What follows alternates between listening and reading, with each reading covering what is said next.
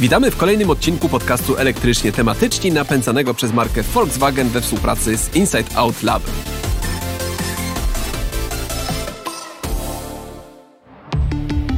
Dzisiaj porozmawiamy o akumulatorach. Pewnie nie wszyscy mają świadomość tego, że Polska jest prawdziwą światową potęgą, jeśli chodzi o produkcję akumulatorów do samochodów elektrycznych.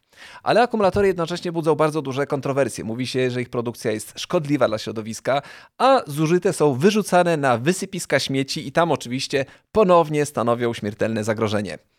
Dzisiaj będziemy rozmawiać o produkcji i utylizacji akumulatorów oraz unijnym rozporządzeniu bateryjnym, a moją gościnią jest Maria Majewska z PSPA. Cześć Marysiu. Cześć, witam. E, Marysiu, myślę, że chyba na początku powinniśmy w ogóle zdefiniować e, różnicę między akumulatorem a baterią, bo tutaj są bardzo duże kontrowersje, albo nie wszyscy wiedzą dokładnie, jakie są definicje y, akumulatora i baterii. Powiem Ci, że ja nawet sam do końca nie wiedziałem, ponieważ definicji jest bardzo dużo tego, czym jest akumulator i czym jest bateria.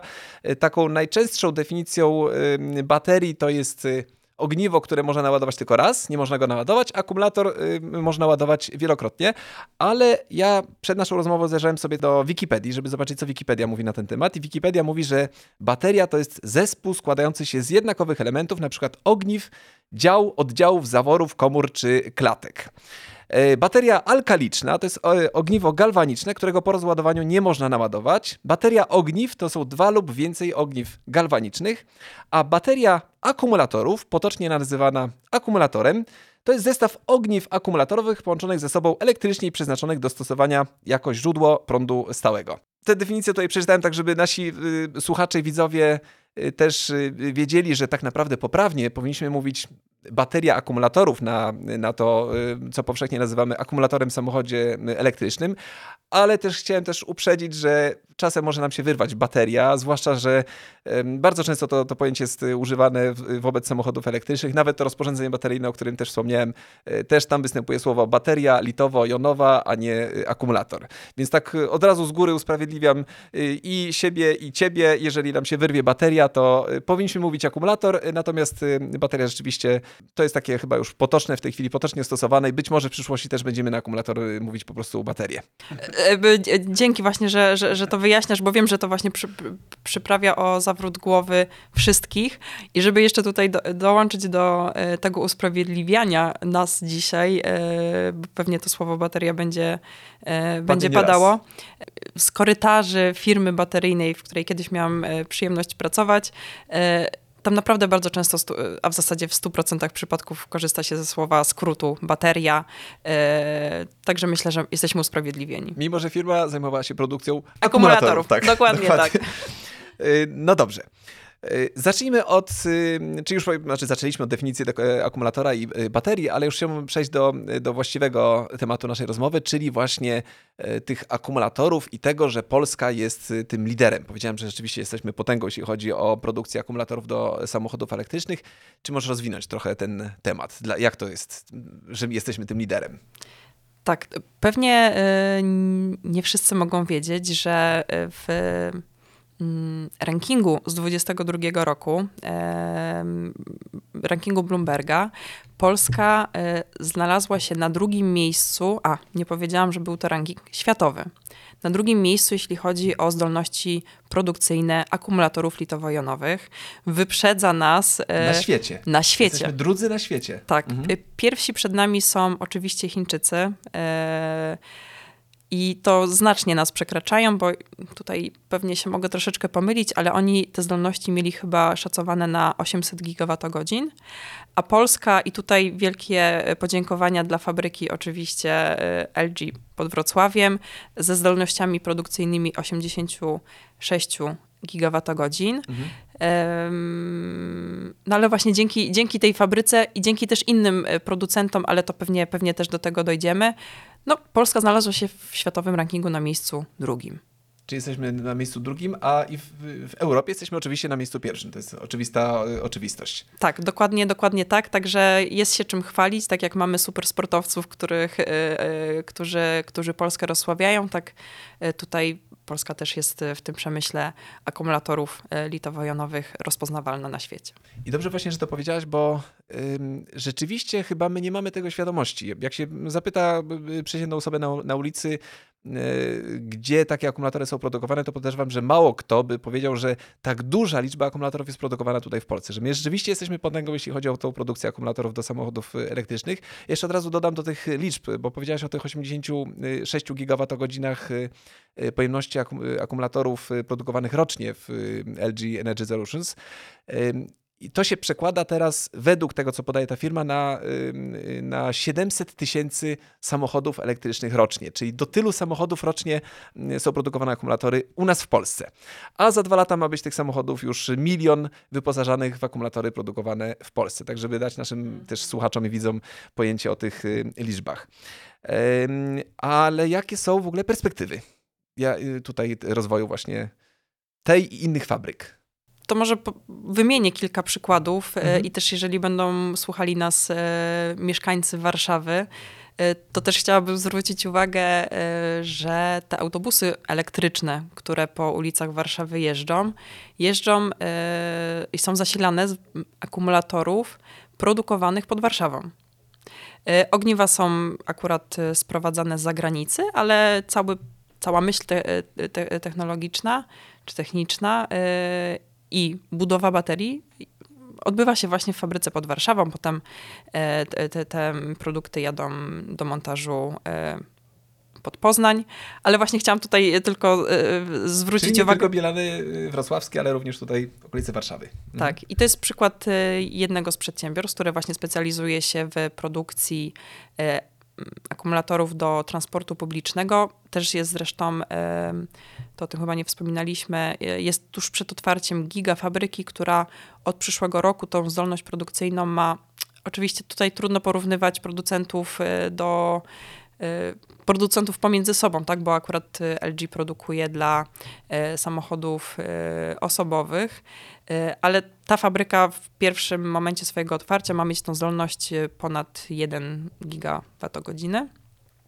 E, ale też niedaleko Warszawy jest producent, który e, specjalizuje się w produkcji akumulatorów do mniejszych środków transportu, tak jak do skuterów, do rowerów. To mówiłam o firmie Impact, Clean Power Technology, mówiłam o firmie Wamtechnik. Na południu Polski mamy firmę BMZ, to jest e, firma oryginalnie niemiecka, ale tutaj ma właśnie w Polsce swoją wielką też fabrykę i też oni się specjalizują w no, w zasadzie produkcji y, różnej wielkości akumulatorów, też akumulatorów do transportu publicznego. Mamy fabrykę w Jaworze, Mercedesa. Y, mamy SK Innovation, y, nie pamiętam dokładnie lokalizacji, także proszę, proszę mi wybaczyć. Na północy mamy firmę Nordvolt, to jest w ogóle też bardzo ciekawa instytucja, dlatego że oni dążą do tego, żeby opanowywać czy opracować cały cykl życia baterii także bardzo mocno stawiają na e, opracowywanie technologii recyklingu, budują swoje ogniwo, a u nas e, na północy kraju e, otwierają fabrykę, która produkuje baterie, akumulatory do, do takich dużych urządzeń, chociażby do koparek, czy do urządzeń, które są wykorzystywane w górnictwie. Także tych przykładów mamy dużo. E, wiem, że pytanie e, brzmiało do tego, jak, jak widzimy przyszłość mhm. tego, mhm. tego sektora w Polsce. Przytoczę jeszcze może też ten ranking Bloomberga. Szacuje się, że w 2027 roku Polska nadal będzie znajdowała się wysoko e, w tym rankingu. Już nie na miejscu drugim, niestety, dlatego że nasi e, sąsiedzi e, z, z, z zachodniej granicy też bardzo planują rozwijać ten sektor. Natomiast w 2027 roku Polska ma być w pierwszej dziesiątce, ale na miejscu szóstym. Mhm. Czyli troszkę spadniemy, ale nadal będziemy wysoko. Tak, i tutaj bardzo wiele się mówi o tym, e, żeby pozytywnie stymulować ten rynek i zwiększać te moce produkcyjne, zapraszać takie inwestycje, takie duże inwestycje, jak, e, e, jak udało się w przypadku LG Energy Solutions. No, Polska jest świetnym miejscem po prostu do tego, żeby, żeby i, i lokalizacyjnie, pod wieloma, pod wieloma względami e, bardzo takim korzystnym jest miejscem do tak dużej inwestycji, inwestycji, jak przykładowo właśnie e, inwestycja pod Wrocławiem. E, no i cóż, ma, ma, mamy szacowane miejsce szóste.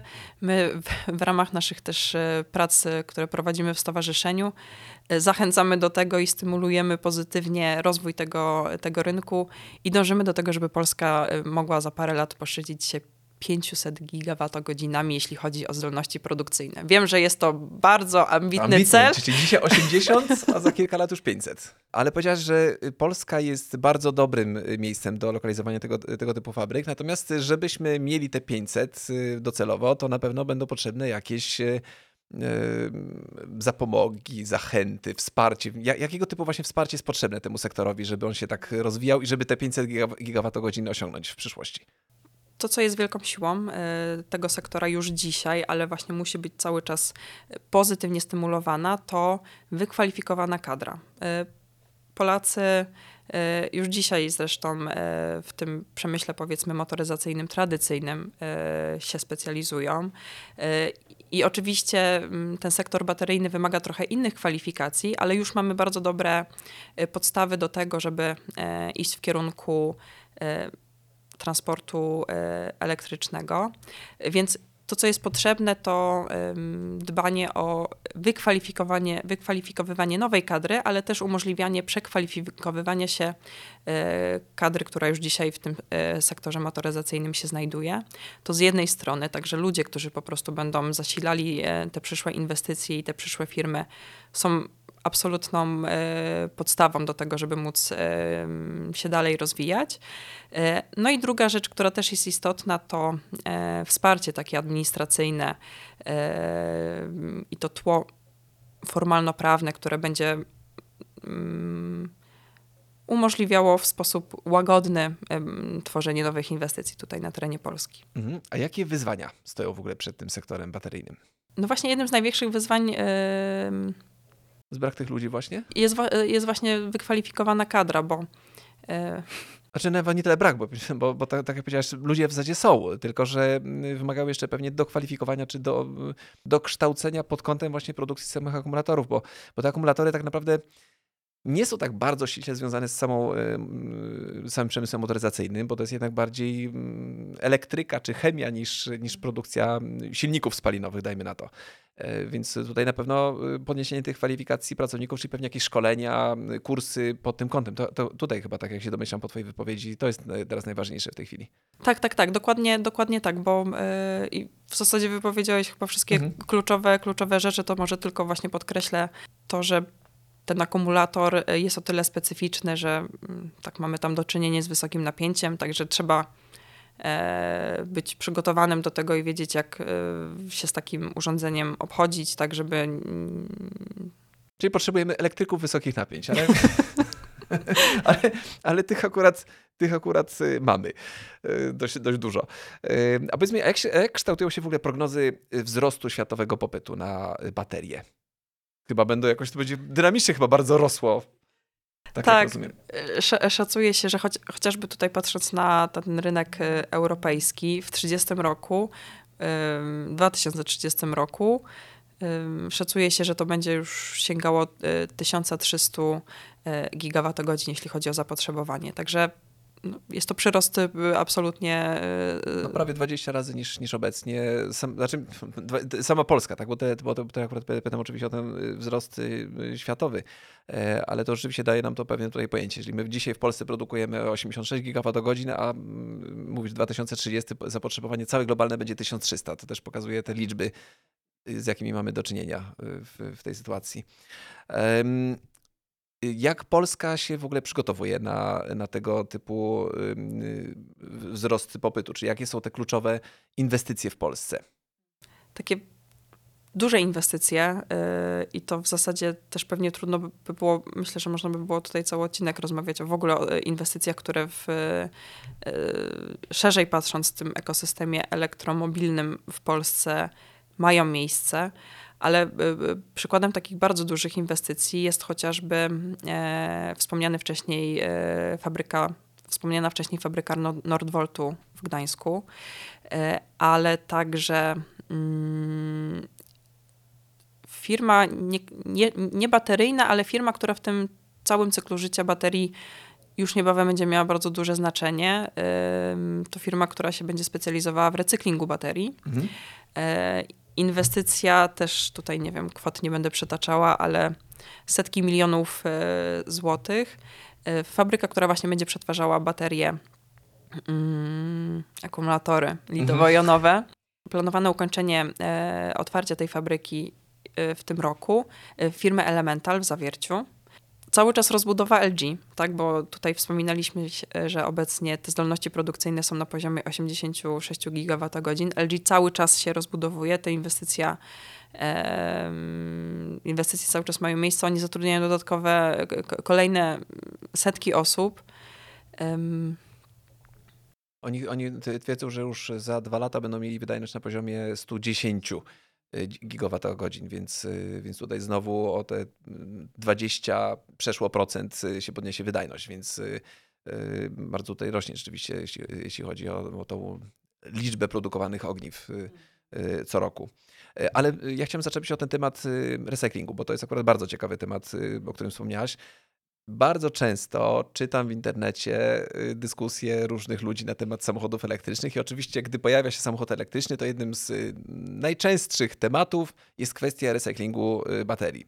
I ludzie twierdzą, że takie akumulatory, baterii, sam też powiedziałem baterii, ludzie twierdzą, że akumulatory z samochodów elektrycznych Raz, że wytrzymują tylko kilka lat, o tym zaraz też porozmawiamy, e, a po tych kilku latach lądują na śmietniku albo są wyrzucane do oceanu, bo nie da się z nimi nic zrobić. Jak właśnie wygląda kwestia e, teraz recyklingu takich baterii? Jak wiele można odzyskać z takich e, akumulatorów i czy mamy w ogóle już zakłady jakieś e, tego typu w Polsce, które zajmują się właśnie recyklingiem i odzyskiwaniem e, tych surowców właśnie z akumulatorów, tak żeby wyprodukować nowe akumulatory? Mhm. Tak, bardzo dobrze, że poruszasz ten temat. I ja też w pewnym sensie rozumiem te obawy.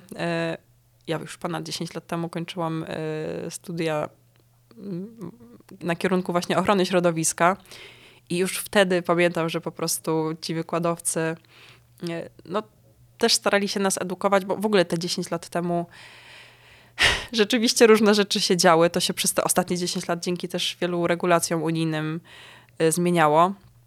Więc te obawy niestety jestem w stanie zrozumieć rzeczywiście, że się pojawiają, natomiast też już od pewnego czasu y, staram się uspokajać y, osoby, które gdzieś takimi głosami się zgłaszają.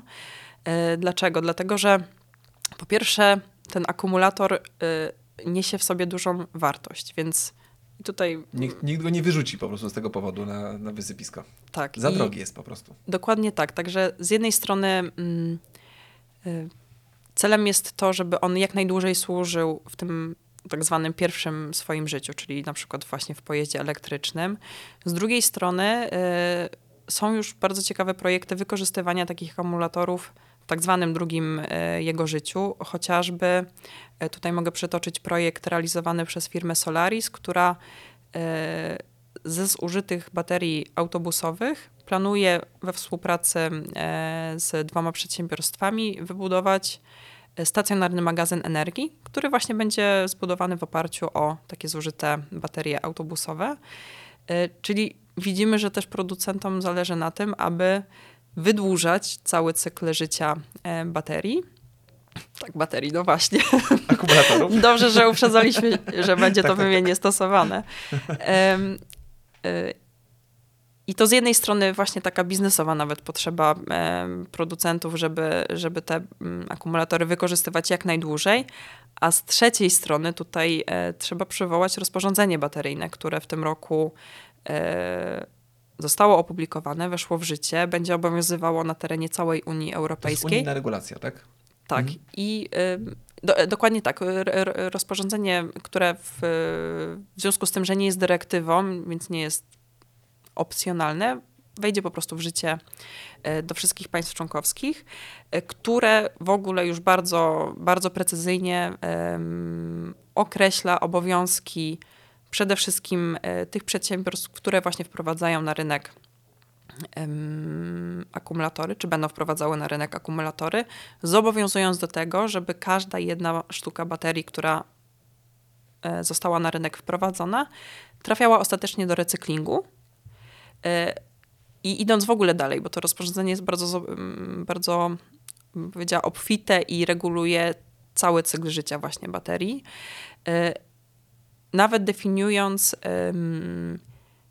jak takie materiały, które w fabryce recyklingu zostaną odzyskane, gdzie one mają z powrotem trafić i w jakich ilościach, w zależności od roku. E, mm, o, źle, źle, źle to zdanie zbudowałam.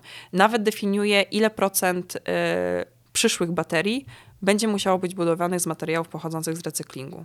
Mhm. Więc tutaj e, trochę może tak e, mm, długo to zdanie budowałam, ale mam nadzieję, że to uspokoi te osoby, które się zastanawiają, co z tymi bateriami e, dzieje się bądź będzie się działo. Tutaj absolutnie na terenie Unii ten temat właśnie tym rozporządzeniem został zaopiekowany w całości, a jeszcze też pytałeś, co się dzieje na terenie Polski. Tak, co się dzieje na terenie Polski. Właśnie, czy w, czy w Polsce mamy już jakieś zakłady takie do recyklingu i, czy te akumulatory właśnie z takich zużytych yy, samochodów, znaczy Właśnie, zanim one trafią do recyklingu, to też, to też podkreślmy to, bo to myślę, że to też nasi yy, słuchacze, widzowie powinni to zapamiętać z, z naszej rozmowy, że taki akumulator w samochodzie elektrycznym, on ma bardzo długi cykl życia, zanim on trafi w ogóle do tego recyklingu, bo najpierw on jeździ 10 lat. Nie 3 lata czy 5 lat, tak jak niektórzy twierdzą, tylko 10, 12, kilkanaście lat. A czy rzeczywiście dzisiaj, y, y, takie nawet przed nagraniem rozmawialiśmy, y, akumulatory, które w, do autobusów były produkowane w firmie, w której ty pracowałeś wcześniej, one po 10 latach cały czas jeszcze są działające, cały czas mają, mają dużą pojemność. One tracą pewnie tam 15% swojej pojemności, czy 10% swojej pojemności pierwotnej, ale nadal mają te, te 90% swojej pojemności i nadal można ich używać po 10 latach. I tak samo to, to samo widzimy w przypadku samochodów elektrycznych, że te dziesięcioletnie modele, te, które 10 lat temu wchodziły na rynek, one do dzisiaj jeżdżą. Jakieś pojedyncze oczywiście egzemplarze są takie, że, że już wymagają wymiany akumulatorów, ale większość, zdecydowana większość tych samochodów nadal jeździ. Czyli możemy założyć, że te 10 do kilkunastu lat yy, z takiego samochodu elektrycznego możemy korzystać. Yy, po tych 10 latach, dajmy na to, czy po kilkunastu latach, Taki akumulator y, możemy wyciągnąć z tego samochodu i zbudować z niego magazyn energii. Ponieważ jeżeli akumulator mamy o pojemności, dajmy na to 60 kWh, to jest taka, taka dzisiaj nawet mała pojemność w, w samochodzie elektrycznym, to nawet jeżeli on straci 50% swojej pojemności, to będzie mieć 30 kWh w tę pojemność tego akumulatora i Y, bank energii 30 kWh, to jest duży bank energii, bo my dzisiaj kupujemy y, magazyn energii do domów prywatnych o pojemności 4 kWh, może 10 kWh. 10 to już jest bardzo duży y, magazyn energii, więc jeżeli mamy możliwość zainstalowania magazynu, który ma 30 kWh, to można dom jednorodzinny przez 2-3 dni z tego akumulatora zasilać z tego zużytego samochodu. I ten akumulator możemy przez kolejne 10 lat wykorzystywać jako magazyn energii e, w naszym domu. Czyli po 20 latach od daty produkcji dopiero ten akumulator pewnie już się nie będzie nadawał do dalszej e, e, eksploatacji i dopiero wtedy on trafia do recyklingu. I teraz przechodzimy właśnie do tego recyklingu. W Polsce, tak jak szukałem jeszcze przed naszą rozmową dzisiaj, nie mamy jeszcze żadnych zakładów recyklingu, ale mają być, lada moment. Tak, czekamy, czekamy właśnie ym, i dopingujemy dwóm projektom, przede mhm. wszystkim dwóm projektom, bo tych projektów jest generalnie więcej, e, ale takich, e, które już zbliżają się do uruchomienia mamy dwa. E, pierwszy, wspomniany właśnie wcześniej już w zasadzie zakład w Zawierciu firmy Elemental, mhm. który jest zakładem dedykowanym do przetwarzania właśnie akumulatorów litowo-jonowych. I tutaj ta inwestycja już dzieje się od lat trzech i już jest na ukończeniu. Jest już na ukończeniu, także tutaj mocno dopingujemy, żeby, żeby to się udało. E, I drugi, e, drugi zakład, e, Rare Metals, nawet w sumie w nazwie, nazwie za, za, zaszyte też, tak jest to w ogóle szersza inicjatywa recyklingu, ale właśnie jeden ze streamów, które ma się też niebawem uruchomić, jest właśnie przetwarzanie akumulatorów E, litowo-jonowych. Także takie przynajmniej dwa projekty, które są już e, bliskie ukończeniu, ale też właśnie chcę wspomnieć, że są to nie, nie wszystkie. Tych projektów, które jeszcze gdzieś e, w, są projektowane na papierze jest trochę więcej. Czyli te, tego typu zakłady będziemy mieli, tak. a y, rozporządzenie bateryjne reguluje to, że y, producenci i akumulatorów i właściciele tego typu właśnie zakładów recyklingu będą zobligowani do tego, żeby te akumulatory po prostu poddawać recyklingowi i produkować nowe akumulatory z odzyskanych surowców, a nie surowców wydobywanych y, na nowo. Tak, tak, dokładnie, dokładnie tak. Ale też jeszcze chciałam nawiązać do Twojej poprzedniej wypowiedzi, bo też w niej zawarłeś to wyzwanie, które stoi przed konkretnie zakładami recyklingu. W związku z tym, że te baterie są użytkowane i będą użytkowane trochę dłużej niż pierwotnie zakładano, to ten materiał, który będzie potrzebny zakładom do recyklingu, w nich się pojawiał, e, będzie się pojawiał trochę później niż zakładamy. I to jest jedno z tych większych wyzwań e, tego sektora recyklingu. E, co oczywiście nie znaczy, że nie powinniśmy się rozwijać w tym, w tym obszarze. Natomiast tak, takie pytania się pojawiają właśnie w tym obszarze recyklingu, kiedy te baterie po prostu będą tam ostatecznie mogły trafić. A to rzeczywiście bardzo słusznie, bo jeżeli, sam, sam, się teraz reflektowałem, że jeżeli dopiero po 20 latach te akumulatory będą trafiały na, recy- na y, ten recykling, to te wszystkie zakłady, które są teraz budowane, nie będą miały tych akumulatorów, nie będą miały skąd ich brać, bo one cały czas mm. będą jeszcze w użyciu. Y, Czyli szczęście w nieszczęściu tak naprawdę, znaczy nie, nieszczęście w szczęściu. O. Tak, ale tutaj jest jedno rozwiązanie, y, to też trudno tak może pewnie uszczęśliwić wszystkich i pewnie się o tym nie mówi, ale to zwyczajna, zwyczajna rzecz y, przy produkcji i to też producenci spokojnie y, o tym mówią. Y, przy produkcji baterii jest niestety dość duży procent takiego skrapu, czyli baterii, które nie przeszły ostatecznych kontroli jakości. No i coś też trzeba z nimi zrobić, tak? One nie mogą z powrotem wrócić e, do produkcji. Jeżeli mogą, to super, ale jeżeli nie mogą, no to one są tym materiałem pierwszym, które będą, który będzie trafiał do tych zakładów recyklingu. I o ile, e, tutaj już nie pamiętam niestety e, tych wartości, ale o ile polscy, nie polscy, znaczy polscy też, ale europejscy producenci ten odrzut mają w okolicach chyba 10%. Ja się mogę trochę pomylić, także prze, prze, przepraszam, jeżeli gdzieś, gdzieś przestrzelę.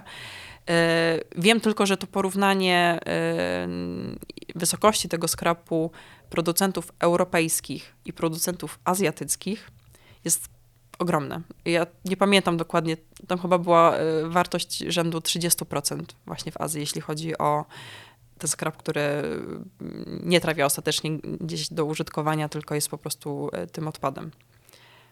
To taki, taka ciekawostka. A to też jest akurat y, y, ważne, że, że te akumulatory, które są produkowane, przechodzą bardzo restrykcyjne y, testy, które mają wykazać, że, jest, że, są one, że są po prostu bezpieczne w użyciu. I to co, to, co mówisz, że jest ten scrap, czyli e, te odpady produkcyjne, akumulatory, które nie, nie przeszły tych testów, które potencjalnie mogą być niebezpieczne, one nie trafiają do samochodów, tylko, tylko od razu trafiają do recyklingu i z nich, odzysk z nich odzyskiwane są wszystkie y, materiały i produkowany jest nowy akumulator, który już pewnie y, taki test przejdzie i trafi do samochodu. I poruszmy właśnie teraz kwestię zabezpieczeń. Jakie jeszcze zabezpieczenia są stosowane w przypadku takich, takich akumulatorów do y, samochodów elektrycznych, żeby rzeczywiście taki akumulator był bezpieczny i żeby trafił do y, samochodu, żebyśmy my czuli się bezpiecznie, że ten, że ten akumulator nam nie zapłonie na przykład. Mhm. Kolejny oczywiście temat bardzo gorący, podbudzający bardzo duże dyskusje tak. w internecie. To zacznę od pierwszej rzeczy, a potem y, opowiem o, o, tych testach, które te baterie przechodzą. Bo z jednej strony właśnie producenci, y, szczególnie europejscy, to jest myślę ta duża różnica pomiędzy Europą a Azją. W Europie bardzo stawiamy na jakość tego produktu, który produkujemy. Y, stąd też te kontrole jakości w ten ostatni etap produkcji baterii są bardzo restrykcyjne. To jest pierwszy taki, e, znaczy pier, e, e, pierwszy, który zablokuje możliwość trafienia jakiejś wadliwej baterii do, na, na, na drogi generalnie. Ostatni, jeśli chodzi o sam proces produkcyjny, taki właśnie filtr, który będzie zapobiegał trafianiu tych uszkodzonych baterii na drogi, ale to, co jest takie kluczowe i to też mam nadzieję, że uspokoi wszystkich, bo y, też nie jest to jakaś wiedza powszechna, y, ale każda bateria, każdy typ baterii, który trafia do pojazdów, musi przejść homologację. Tak jak samochody są homologowane, tak baterie, które trafiają do samochodów, też mają swój określony y, swoją określoną procedurę testową. Tych testów jest y, kilka, w zasadzie kilkanaście już teraz, bo mm, chyba dwa lata temu była aktualizacja e, całej procedury testowania i homologowania baterii. Ale podam przykład jednego testu, e, który też może zobrazuje, jak te testy są restrykcyjne. Generalnie w ogóle ta homologacja ma na celu przede wszystkim e, pod każdym kątem e, i mechanicznym, i elektrycznym zweryfikować, czy ma, ma zweryfikować to, czy ona będzie bezpieczna. To jest jakby główne założenie. I tutaj przykład innego testu, taką baterię dosłownie y, umieszcza się nad żywym ogniem. Przez kilkadziesiąt y, sekund tą baterię podpala się i po zdjęciu z tego rusztu y, nic z tą baterią się po prostu nie może niebezpiecznego wydarzyć. To tak obrazując. No i tutaj właśnie znowu podkreślając, każda bateria, czy to bateria do samochodu osobowego, czy bateria do autobusu elektrycznego, musi przejść homologację. Także wydaje mi się, że to jest taki bardzo skuteczny filtr e, tutaj w Europie, żeby mm, tak, dbać o bezpieczeństwo użytkowników pojazdów. Czyli te, te, akumulatory tak naprawdę przechodzą na tyle ekstremalne testy, bo jak mówisz tutaj podgrzanie nad żywym ogniem, y, to zakładając, że rzeczywiście ten, ten, ta pojedyncza sztuka, która przeszła takie testy, wykorzystuje technologię, która potem się przekłada na, cało, na całą produkcję seryjną, y, no to te akumulatory rzeczywiście są naprawdę bezpieczne. I to powinniśmy być rzeczywiście spokojni, że, że ryzyko, że coś się stanie z tymi akumulatorami jest niewielkie. Zresztą Mieliśmy dedykowany, y, dedykowany, nieprawidłowe słowo, znowu a propos baterii, akumulatorów. Mieliśmy specjalny odcinek podcastu elektrycznie tematyczny, y, w którym opowiadaliśmy właśnie o pożarach samochodów elektrycznych, że to jest bardzo rzadka sytuacja, że taki samochód elektryczny się pod, spala, czy, czy zapala się akumulator, że nawet, y, tak jak też wspomniałaś, w zeszłym roku mieliśmy tylko 7 pożarów samochodów elektrycznych, z czego, z tego co pamiętam, cztery pożary z tych siedmiu to były, to były pożary wiązek elektrycznych, a nie samych akumulatorów. Czyli akumulatory to jest jakiś tam dosłownie ułamek, ułamek, ułamka promila y, w przypadku takich samochodów elektrycznych. Więc to jest, to jest naprawdę bardzo y, sporadyczna sytuacja, więc one są naprawdę bezpieczne, te samochody. Czy bezpieczne konkretnie akumulatory? To nie są takie ogniwa, których się powinniśmy bać, y, tak jak często jesteśmy w internecie straszeni. I to chyba Wydaje mi się, że to jest, to jest chyba takie całe podsumowanie tej, tych informacji, o których rozmawialiśmy z, podczas naszej rozmowy, czyli akumulatory do samochodów elektrycznych po pierwsze są bardzo bezpieczne, po drugie produkowane są w sposób y, odpowiedzialny. To, że one są produkowane w sposób odpowiedzialny i to, że będą poddawane y, recyklingowi w sposób odpowiedzialny i że większość tych materiałów będzie odzyskiwana, ponieważ one są za drogie, żeby je wyrzucać na śmieci, tak jak niektórzy to twierdzą, czy do oceanów. Tam po prostu jest za dużo y, cennych surowców. Też podkreślę, to nie są metale ziem rzadkich, bo też bardzo często ludzie mówią, że tam są metale ziem rzadkich. Tam nie ma absolutnie żadnych metali ziem rzadkich, albo nawet wyczytałem, że są metale szlachetne, że na, że na przykład y, y, kobalt jest metalem szlachetnym. To nie jest metal szlachetny, to jest y, metal, co prawda, o właściwościach ferromagnetycznych, który też coraz rzadziej jest dzisiaj stosowany w akumulatorach, ale to nie jest metal szlachetny. I tak samo lit nie jest metalem ziem rzadkich. Polecam sobie, polecam, żeby nasi słuchacze i widzowie, którzy mają wątpliwości, sprawdzili sobie, jaka jest lista dokładna na metali y, ziem rzadkich. Ale y, i tak y, są to metale, które są bardzo cenne, czyli właśnie lit, mangan, właśnie kobalt wspomniany przeze mnie, że za drogie byłoby wyrzucanie tych, tych akumulatorów. Po prostu opłaca się odzyskiwać te materiały i produkować z nich nowe akumulatory, a dodatkowym bodźcem dla producentów Będą, będą te rozporządzenia typu właśnie rozporządzenie bateryjne y, Parlamentu Europejskiego, które, y, które będzie niejako zmuszało tych opornych. Myślę, że nie trzeba zmuszać, bo, bo jeżeli ktokolwiek sobie usiądzie do Excela i policzy sobie, y, ile może zarobić na recyklingu takich akumulatorów, to się bardziej opłaca rzeczywiście odzyskiwać te materiały. I tak samo produkcja takich akumulatorów z odzyskanych materiałów też się bardziej opłaca, więc fakty są takie, że to się po prostu nie opłaca. Y, wyrzucanie tego typu akumulatorów. I to jest to, co mam nadzieję, że nasi widzowie po prostu i słuchacze zapamiętają sobie z y, naszej rozmowy, czyli bezpieczne, y, zdrowe dla środowiska są, są akumulatory i też cyklik akumulatorów też już jest w sposób odpowiedzialny realizowany. I to, co chyba najważniejsze, od czego zaczęliśmy, my jako Polska jesteśmy prawdziwą potęgą i będziemy tą potęgą y, pewnie przez najbliższe lata, jeżeli rzeczywiście tutaj y, uda się y, utrzymać warunki i personalne i będziemy mieć odpowiednią liczbę specjalistów i oczywiście również wsparcie ze strony naszych urzędników. Dobrze powiedziałem? Do, dokładnie. Myślę że, myślę, że piękne, piękne podsumowanie i mam nadzieję właśnie, że yy, brzmi przynajmniej ja to czuję, tak, i, jakby lubię też na te tematy rozmawiać, dlatego że to jest bardzo optymistyczne dla Polski. E, myślę, że warto dopingować wszystkim, którzy gdzieś działają e, właśnie w tym przemyśle bateryjnym. E, szczególnie, że właśnie jest dużo, dużo zalet i No i że my, my jako Polska rzeczywiście jesteśmy, mamy bardzo duży wkład, jeśli chodzi o, o tą produkcję samochodów elektrycznych na świecie i z tego chyba jako Polacy powinniśmy być dumni, powinniśmy się tym cieszyć i powinniśmy sz- y, szerzyć tę wiedzę wśród osób, które nie słuchają podcastu elektrycznie tematyczni. Y, Marysiu, bardzo Ci dziękuję za naszą rozmowę, za te wszystkie informacje. Mam nadzieję, że nasi widzowie rzeczywiście sobie wszystkie zapamiętają i będą potem dalej przekazywać swoim znajomym, y, a także zachęcać do tego, żeby słuchali oczywiście naszego podcastu, który można znaleźć na wszystkich platformach podcastowych. Można nas słuchać na Spotify, Apple Podcasts, Google Podcasts i jesteśmy także na YouTubie, więc oczywiście zachęcam do słuchania, zachęcam do subskrypcji naszego podcastu i oczywiście zapraszam do słuchania podcastu elektrycznie tematyczni kolejnego odcinka. Jeszcze raz Ci dziękuję, Marysiu. dziękuję za rozmowę. I do usłyszenia.